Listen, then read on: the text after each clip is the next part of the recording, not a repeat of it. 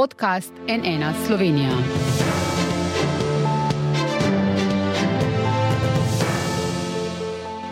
Dobr dan, to je na studio. So razmere na področju nezakonitih migracij res tako zaostrene, da bo aktualna vlada posegala po enakih rešitvah kot prejšnja? In to čeprav je Robert Golop napovedal, da bodo delali drugače. V koaliciji se je močno zaiskrilo, ko so ministri, ne da bi vedeli, o čem glasujejo, prikimali mnenju Janševe vlade, da so določbe zakona o tujcih in zakona o mednarodni zaščiti skladne z ustavo. Nevladniki zahtevajo odstop notranjega ministra Boštjana Poklukarja. Koalicijska levica pričakuje, da bo vlada mnenje spremenila. Kako je to gradivo nastalo, je bilo res skrito in neusklajeno. Zakaj notranje ministrstvo ustraja, da sporne določbe zakonov niso protivstavne in da jih država potrebuje? Z nami je državna sekretarka na Ministrstvu za notranje zadeve, gospa Helga Dobrin. Dobr dan, dobrodošli na NN. Dobr dan, lepo pozdravljeni. Pa če začneva v bistvu kar s tem odmevnim vladnim mnenjem in bova potem uh, podrobneje razložila razloge za njega. Uh, vi sicer niste avtorica uh, tega mnenja, kot vem, zakaj javnost še vedno nima upogleda van. Sklepi vlade so javni, to mnenje je zdaj potrjeno že dva tedna, vaše ministrstvo pa zdaj po naših informacijah o njegovem posredovanju še vedno upravlja presojo po zakonu o dostopu do informacij javnega značaja. Zakaj ga torej javnost ne more videti? Uh, naše ministrstvo postopa po ustaljenem postopku, kadar se pač informacije javnega značaja uh, zahtevajo, zato v bistvu morajo steči določeni postopki, in ko bo to, bom rekla, presoja dana, bom tudi mnenje javno objavljeno. Kdaj pa ne bi se to zgodilo, lahko to pričakujemo v kratkem? V kratkem, zagotovo. Uh mhm. -huh. Nek, nekaj dni, verjetno. Verjetno, zdaj točno težko rečem. Uh mhm. -huh. Kaj pa je zdaj v tem mnenju? Ne vemo, da gre za mnenje vlade o zahtevi 36 poslancev iz prejšnjega mandata, ko so bili v opoziciji zdaj jih je kar nekaj v koaliciji, celo v vladi so uh, izpodbijali, pa so nekatere določbe iz zakona o tujcih in zakona o mednarodni zaščiti. O zelo podobnih določbah je ustavno sodišče enkrat že odločalo in jih zaradi protivstavnosti razveljavilo, potem je prejšnja Janševa vlada poskusila še enkrat in uspela zakon sprejeti. Kaj je torej v tem mnenju, a ste se vi v njem opredelili do ustavne odločbe, ki že obstaja z tega področja, bom tako rekel? Lejte, ta pobuda naslavlja dva člena v zakonu o tujcih. Te dva člena se nanašata uh, na trenutek, ko v državi nastopi tako imenovana kompleksna kriza, ki je določena v zakonu o vladi. In če pride do take situacije, to pomeni, da smo mi v tem trenutku v situaciji, ko država več, bom rekla, ni sposobna zagotavljati azilnih postopkov. In v takem primeru država tujce, ki vstopajo v Republiko Slovenijo, eh, napoti v varno državo. Gre se za ta postopek. Zdaj, eh, v mnenju, ki ga je Ministrstvo za notranje zadeve eh, izdelalo, smo se pač do teh določb opredelili in tako kot je običajno, smo se pač opredelili do navedb pobude. Uhum. Niste se pa opredeljevali do ustavne odločbe, ki že obstaja. Uh, to ni običajno, da bi se, v, v, bom rekla, opredeljevali do nekih preteklih postopkov. Opredelili smo se do tega, kar je bistveno, to je dodavajan pobude. Je pa seveda v tem mnenju uh, tudi navedeno, ne, da je ustavno sodišče pač o tem že odločalo in takrat izrazilo pač določene usmeritve, v čem je bila težava. Te uh, pomankljivosti so bile tudi za novelo že. Uh, uvedene v postopek. Uh, tako da, ja, to pa je navedeno. Ja, ustavno sodišče je odločilo leta 2019 uh, z 8 proti 1, zapisalo je zgolj dejstvo, da država predaja posameznika drugi državi članici EU, ne more vplivati na obseg zaščite, ki ga zagotavlja ustavno načelo nevračanja. Ja, med drugim so to zapisali. Ali ta zadnja različica zakona o tujcih Eh, je, je dru, kakorkoli drugačna in odpravlja to, na kar je upozorilo ustavno sodišče takrat 2009. Ja, seveda, to je bilo odpravljeno z novelo. Takrat se je v bistvu naslavljalo, da pač prosilec, uh, bom rekla, nima možnosti um, izpostavljati individualne okoliščine, bom rekla, ki mu grozi ki mu eh, po njegovih trditvah mora biti grozijo v državi, v katero ga naša država napotuje. Se pravi, uh, bili so samo uh, eks, uh, točno določeni, taksativno določeni razlogi, ne, kdaj se v bistvu. Kdaj v bistvu nastopijo izjeme. Tukaj se pa zdaj uh, je ustavno sodišče takrat reklo, da je pravzaprav to preosko in da je potrebno nasloviti tudi osebne okoliščine, tako imenovano individualno obravnavo. Mhm. In to je bilo takrat z novelo uvedeno v zakon. Ampak zdaj eh, nevladne organizacije upozarjajo, da gre samo za kozmetične popravke, da je to še vedno prekomeren in nedopusten poseg v človekove pravice. Na vse to so nevladniki, pa tudi parlamentarna zakonodajno-pravna služba upozarjali že ob sprejetju te novele zakona. Eh, tudi, da na Hrvaškem da so na Hrvaškem široko in vredostojno dokumentirane kršitve osnovnih človekovih pravic prosilcev za azil, poročila o zlorabah, zapiranju, ustrahovanju, odrekanju hrane, vode in nujne medicinske pomoči, bi morala biti več kot zadosten alarm, da slovenska vlada preneha z vračanji in situacijo vsaj resno preuči, pravijo. Kako odgovarjate na te pomisleke? Tudi migranti sami poročajo, Celo posnetke smo gledali v javnosti, kako so jih hrvaški policisti ob meji z Bosno in Hercegovino pretepali. Uh, to zdaj naslavljate drugo situacijo. To, to, kar zdaj izpostavljate, ni situacija po 10. in 10. b členu zakona o tujcih, ampak tukaj gre za tako imenovano, eh, bom rekla, Dublinsko uredbo in vračanje po Dublinu ne, v, nazaj v države, eh, kjer je prosilec prvič eh, zaprosil za pravico do azila. Ampak, če pride do te kompleksne krize, se upravičujem, ker vam skačemo besedo, ja. če to izglasuje državni zbor z absolutno večino, tako piše v zakonu, ja. bo policija lahko že na sami meji ocenila, da pač ni sposobna. Uh... Lejte, da, uh, uh...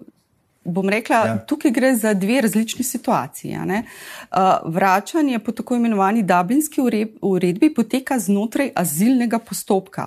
Ko pa nastopi, uh, bom rekla, tako imenovano stanje kompleksne krize, to razglasi državni zbor, da se razumemo, da. v, v tem ne odloča Ministrstvo za notranje zadeve ali vlada. Um, ko pa nastopi to stanje, ne, je pa država v stanju, ko si prizna, lejte, pač bom rekla, ali zaradi povečanega migracijskega pritiska ali pa zaradi nekega drugega razloga, lahko bi bil recimo tudi neka naravna katastrofa ali karkoli, uh mhm. -huh. to, da so resursi, bom rekla, države, ki niso neomejeni, ampak so usmerjeni v, mogoče v neko drugo področje ali pa so preobremenjeni, mi vam v tem trenutku, bom rekla, azilnih postopkov ne moremo več izvajati. In takrat nastopi stanje, ko bom rekla, ko rečemo na meji, lejte, podite v prvo varno državo, ker vam bodo tam zagotovili azilni postopek. Ampak oni rečejo, da jih v tej prvi varni državi tepajo, ne? med drugim. Lejte, vsa... A je to potem res varna država? Lejte, to pa stvar potem konkretne presoje. Uh -huh. uh, v tem postopku bo imel prosilec možnosti navajati in tudi izkazati okoliščine. Uh -huh. Zdaj... In potem se bo to individualno presojalo. Uh, vprašanje uh, še glede tega, kako je do sprejema tega vladnega mnenja prišlo. Ne? Poslovnik vlade določa, da morajo biti gradiva usklajevana z ministrstvi in vladnimi službami, ki jih zadevajo. Zdaj to uh, mnenje se je znašlo na listi A, to je lista, o kateri pač ministri sploh ne, eh, oziroma glasujejo v paketu in na to listo so lahko vrščena le predhodno usklajena gradiva, ki na pristojnih vladnih odborih niso bila uh, deležna pripomb. To, da mnenje o zakonih o tujcih in o mednarodni zaščiti je MNZ po naših informacijah v medresorsko usklajevanje poslalo zgolj službi vlade za, za zakonodajo. Um, na pristojnem vladnem odboru za državno ureditev in javne zadeve pa je bilo uvrščeno na konec poglavja odgovora na poslansko vprašanje in pobude, o katerem so navzoči glasovali v paketu. Tudi iz koalicije je bilo slišati, da je bilo to mnenje nekako skrito, da zato ministri niso vedeli, o čem glasujejo. A je bilo skrito, a ga je notranje ministrstvo skrilo na tak način, ali zakaj je, zakaj je bilo vloženo v taki proceduri. Lejte, to navajanje mene čudi, to mnenje je bilo, bom rekla, obravnavano in poslano po vseh standardnih postopkih, na voljo na portalu objavljeno skladno z poslovnikom.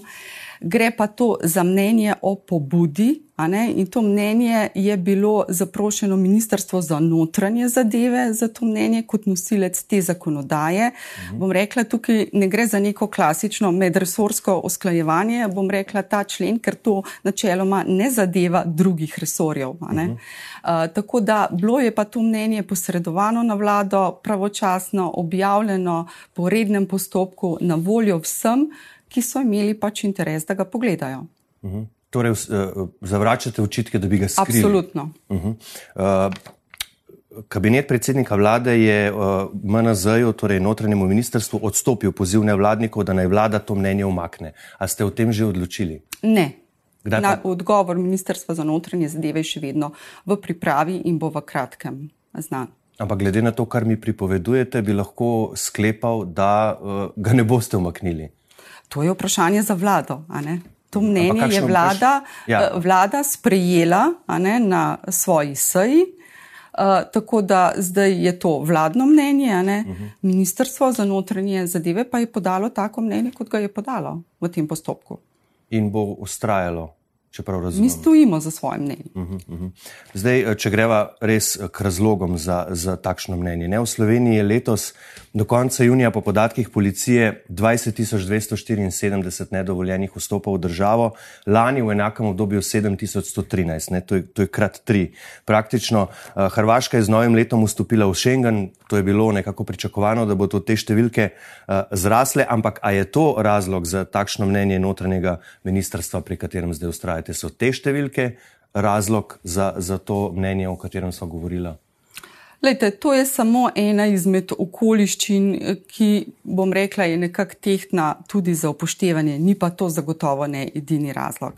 Lejte, te številke so pravzaprav uh, na nek način um, tudi odraz tega, da policija bom rekla, zelo dobro eh, dela, da zaznava nedovoljene prihode na meji. Je, moramo se pa vsi zavedati, da je pač eh, migracijski pritisk na Evropsko unijo, bom rekla, se povečal v zadnjem času, ne, da se povečuje tudi migracijski tok po tej zahodno-balkanski poti, tako da številke se povečujejo. Ja, in očitno to e, je eden od razlogov za to, da, da menite, da ta vlada tak zakon potrebuje, 10a in 10b člen. Eden izmed razlogov, ker je tudi eden izmed razlogov, bom rekla, uh, za nastanek kompleksne krize, je pravzaprav tudi povečani migracijski tok.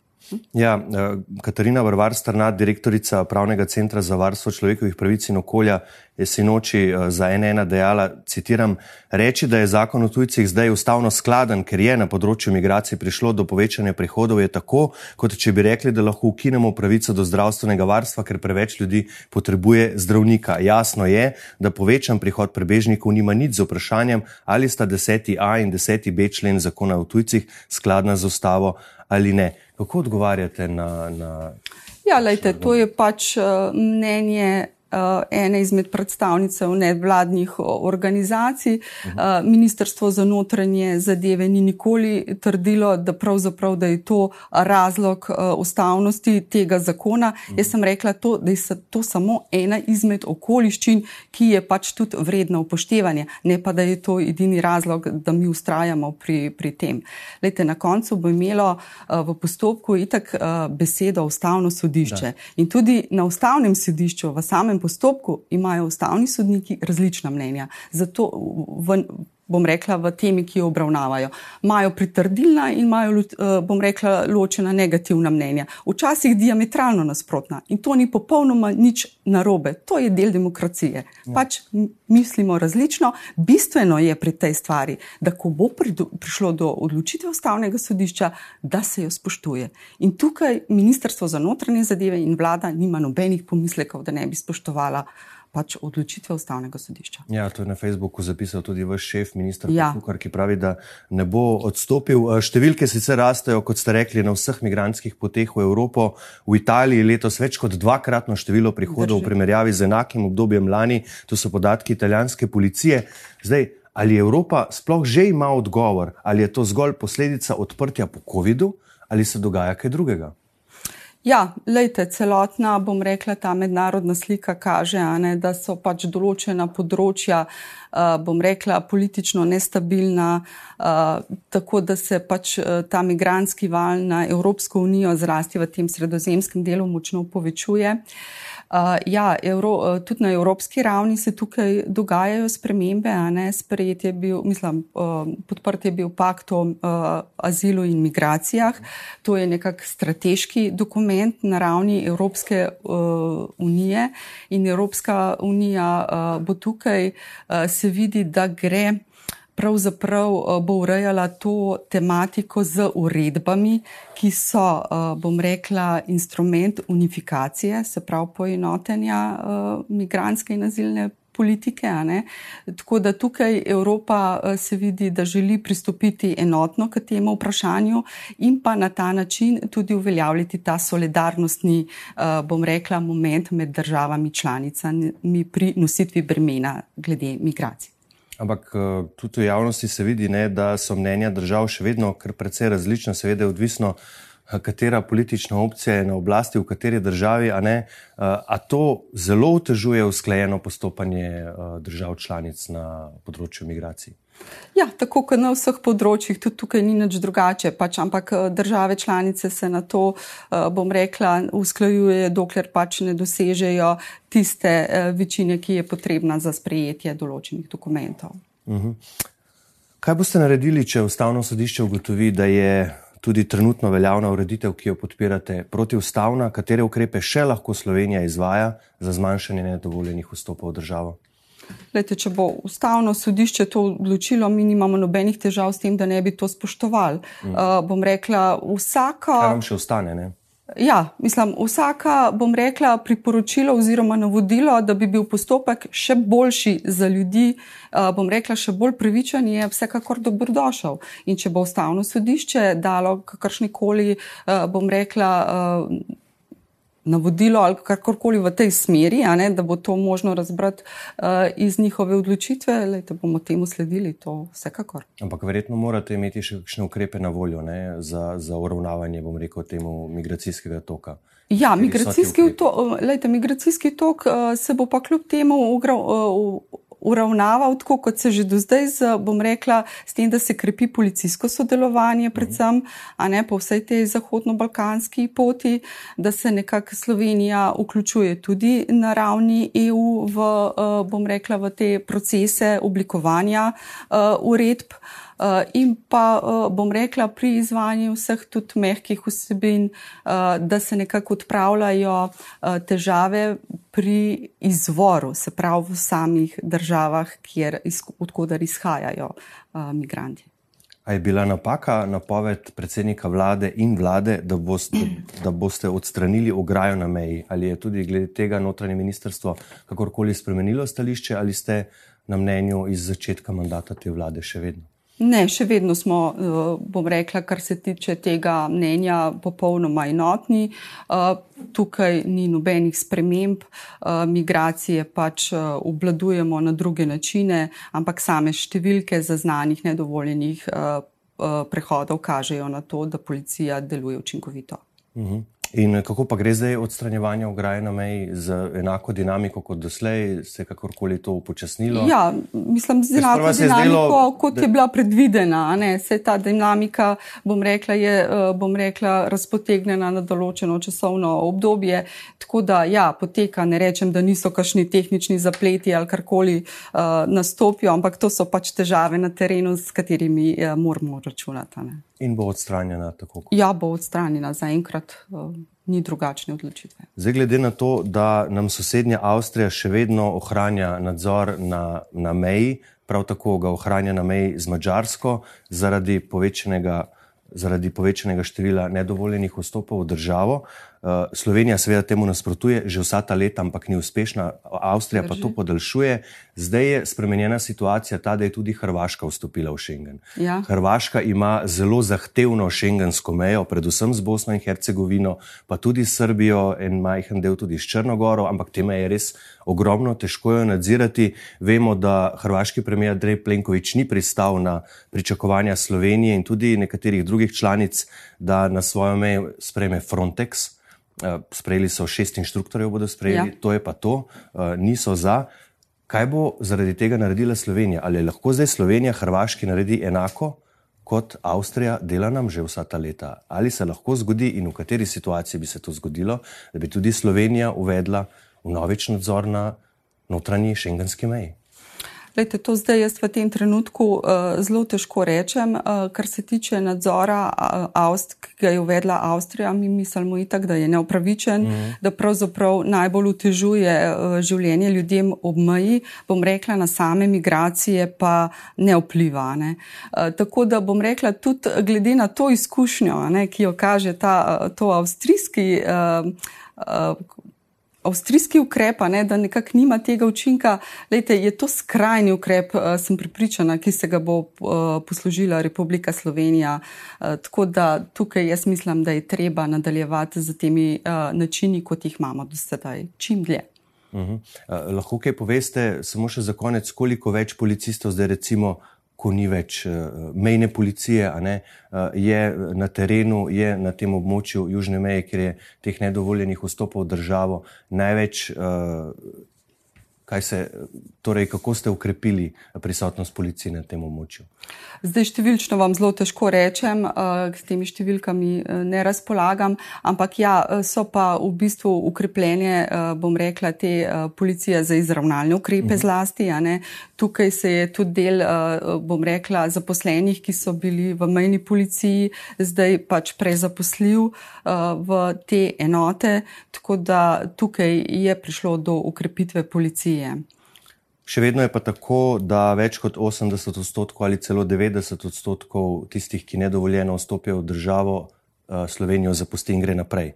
Ne, videli smo prizore, ko uh, večje, tudi večje skupine ne, uh, moških sedejo na avtobus, se odpeljejo, ga zapolnijo, se odpeljejo do Nove Gorice, tam izstopijo in gredo potem peš.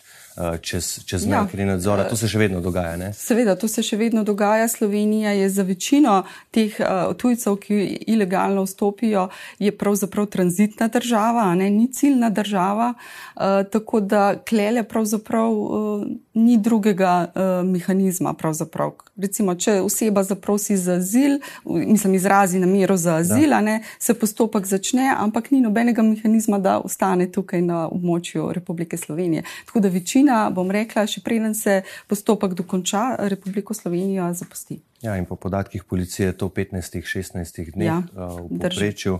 Bomo videli, kako se bodo te razmere uh, spreminjale v nadalje in seveda, kaj se bo tudi ja. zgodilo uh, z določbami zakona o tujcih in mednarodni zaščiti, ko pač pride odločitev ustavnega sodišča. Za danes pa, spoštovana državna sekretarka, gospa Helga Dobrin, najlepša hvala, da ste bili gosti. Hvala tudi vam za vabilo.